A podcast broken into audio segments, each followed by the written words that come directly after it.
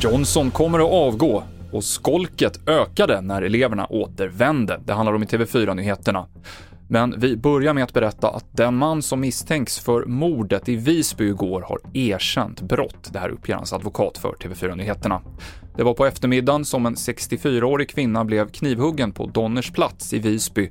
Hon fördes till sjukhus, men hennes liv gick inte att rädda och den anhållne mannen övermannades kort efter dådet av privatpersoner. Min klient har erkänt brott i förhör här under natten och eh, han har lämnat en, en kortare berättelse som eh, överensstämmer med det erkännandet kan man säga.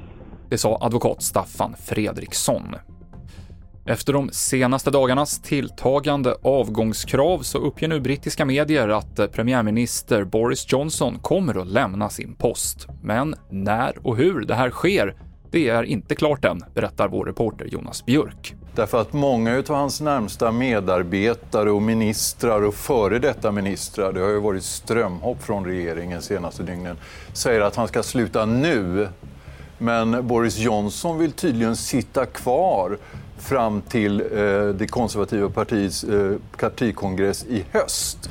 Så vi får se vad, vad det här blir. Men på något sätt så är det ändå klart att han kommer att sluta som premiärminister. Frågan är när. Och Boris Johnson väntas tala till folket från 10 Downing Street nu under dagen. Mer om skandalerna och turerna under hans tid som premiärminister, det kan du se på tv4.se. När coronarestriktionerna lättade och gymnasieeleverna kunde återgå till skolan så ökade också skolket. Förra läsåret så förlorade närmare 28 000 gymnasieelever studiebidraget på grund av för hög frånvaro, enligt CSN. Det är nästan 8% av alla gymnasieelever. Många lärare har uppgett att det under pandemin var svårt att bedöma om elever som var uppkopplade faktiskt deltog i undervisningen. TV4-nyheterna i studion Mikael Klintevall.